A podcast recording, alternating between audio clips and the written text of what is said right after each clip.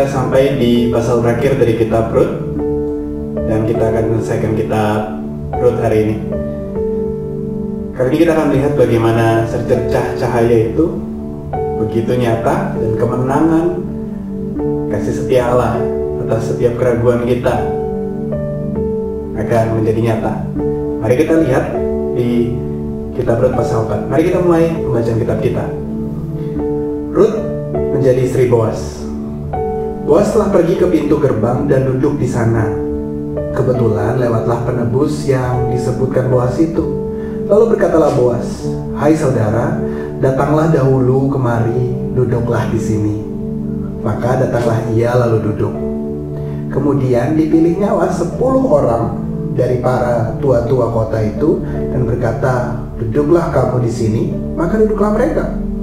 Lalu berkatalah ia kepada penebus itu, "Tanah milik kepunyaan saudara kita Elimelek hendak dijual oleh Naomi yang telah pulang dari daerah Moab.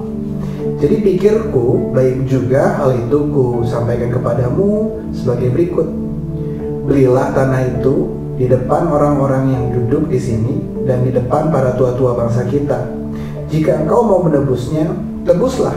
Tetapi jika engkau tidak mau menebusnya, beritahukanlah kepadaku supaya aku tahu sebab tidak ada orang yang dapat menebusnya kecuali engkau.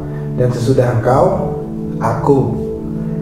Lalu berkatalah ia, Aku akan menebusnya. Tetapi kata Boas, pada waktu engkau membeli tanah itu dari tangan Naomi, engkau memperoleh Ruth juga, perempuan Moab, istri orang yang telah mati itu, untuk menegakkan nama orang itu di atas milik pusakanya. Lalu berkatalah penebus itu, jika demikian aku ini tidak dapat menebusnya sebab aku akan merusakkan milik pusakaku sendiri. Aku mengharap engkau menebus apa yang seharusnya aku tebus, sebab aku tidak dapat menebusnya. Beginilah kebiasaan dahulu di Israel dalam hal menebus dan menukar. Setiap kali orang hendak menguatkan suatu perkara, maka yang seorang menanggalkan kasutnya sebelah dan memberikannya kepada orang yang lain. Demikianlah caranya orang mensahkan perkara di Israel. Lalu penebus itu berkata kepada Boas, Engkau saja yang membelinya, dan ditanggalkannya lah kasutnya. Kemudian berkatalah Boas kepada para tua-tua dan kepada semua orang di situ. Kamulah pada hari ini menjadi saksi bahwa segala milik Elimelek dan segala milik Kilion dan Mahlon aku beli dari tangan Naomi. Juga Ruth perempuan Moab itu, istri Mahlon aku peroleh menjadi istriku untuk menegakkan nama orang yang telah mati itu di atas milik pusakanya. Demikianlah nama orang itu tidak akan lenyap dari antara saudara-saudaranya dan dari antara warga kota. Kamulah pada hari ini menjadi saksi. Dan seluruh orang banyak yang hadir di pintu gerbang dan para tua-tua berkata, Kamilah menjadi saksi Tuhan kiranya membuat perempuan yang akan masuk ke rumahmu itu sama seperti Rahel dan Lea yang keduanya telah membangunkan umat Israel. Biarlah engkau menjadi makmur di Efrata dan biarlah namamu termasyur di Bethlehem. Keturunanmu kiranya menjadi seperti keturunan Peres yang dilahirkan Tamar bagi Yehuda.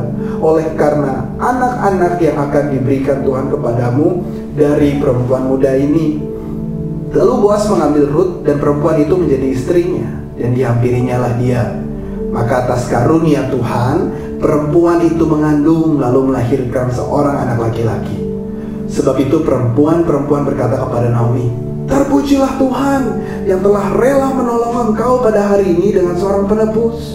Termasyurlah, termasyurlah kiranya nama anak itu di Israel dan dialah yang akan menyegarkan jiwamu dan memelihara engkau pada waktu rambutmu telah putih. Sebab menantumu yang mengasihi engkau telah melahirkannya, perempuan yang lebih berharga bagimu dari tujuh anak laki-laki. Dan Naomi mengambil anak itu serta meletakkannya pada pangkuannya dan dialah yang mengasuhnya. Dan tetangga-tetangga perempuan memberi nama kepada anak itu, katanya, pada Naomi telah lahir seorang anak laki-laki. Lalu mereka menyebut namanya Obed. dialah ayah Isai, ayah Daud. Perikop yang terakhir, silsilah Daud. Ayat 18. Inilah keturunan Peres. Peres memperanakan Hezron, Hezron memperanakan Ram, Ram memperanakan Aminadab, Aminadab memperanakan Nahason, Nahason memperanakan Salmon, Salmon memperanakan Boas, Boas memperanakan Obed, Obed memperanakan Isai, Isai memperanakan Daud. Luar biasa, sebuah kemenangan atas kasih Allah. Oh, amin untuk firman Tuhan. uh, kali ini ternyata jelas sekali bahwa saat ternyata kita mau menanti dalam hadirat Tuhan, Tuhan akan menunjukkan kasih setianya menang atas setiap keraguan kita. Tapi kita perlu percaya kepada Allah. Bagaimanapun keadaan kita, bagai dalam kenyamanan, sebagai boas tetap percaya pada Allah. Dalam sebuah tantangan seperti Ruth yang tetap percaya kepada Allah, atau dalam sebuah keraguan seperti Naomi yang meragukan kasih Allah pada dirinya. Dan ternyata kita lihat bahwa saat kita percaya kepada Allah, triple benediction kepada Boas diberikan oleh para tua-tua Israel. Juga kepada Ruth ada eskalasi hidupnya dari seorang asing jadi pengerja imigran, jadi wanita yang menanti, kemudian menjadi istri Boas. Dan eskalasi hidup Naomi dari seorang pelarian, kegagalan hidup, kepahitan, sehingga muncullah keamanan hidup. Ternyata Tuhan begitu luar biasa di kita. Kita harus percaya walau Tuhan tidak selalu membiarkan kita ada di jalan yang lurus. Tuhan tetap bersama kita untuk meluruskan hati kita. Terpujilah nama Tuhan. Mari kita tutup hari ini dengan doa. Dan kita percaya bahwa walau kadang kita berpikir Tuhan telah meninggalkan kita, sesungguhnya tidak pernah sedikit pun Tuhan meninggalkan kita. Dia tetap ada bersama dengan kita, memberikan kasih setianya dengan caranya. Mari kita berdoa. Haleluya. Yesus juga Bapa, terima kasih Tuhan, terima kasih. Ku tahu Bapa lihat aku, Dia baik, Yakin selalu sertaku. Dia baik bagiku. Terima kasih Tuhan. Hari ini kami mau mengingat bahwa kasih setiamu ada bersama dengan kami. Ampuni kami kalau kami ragu. Ampuni kami kalau kami bertahan dalam kenyamanan kami.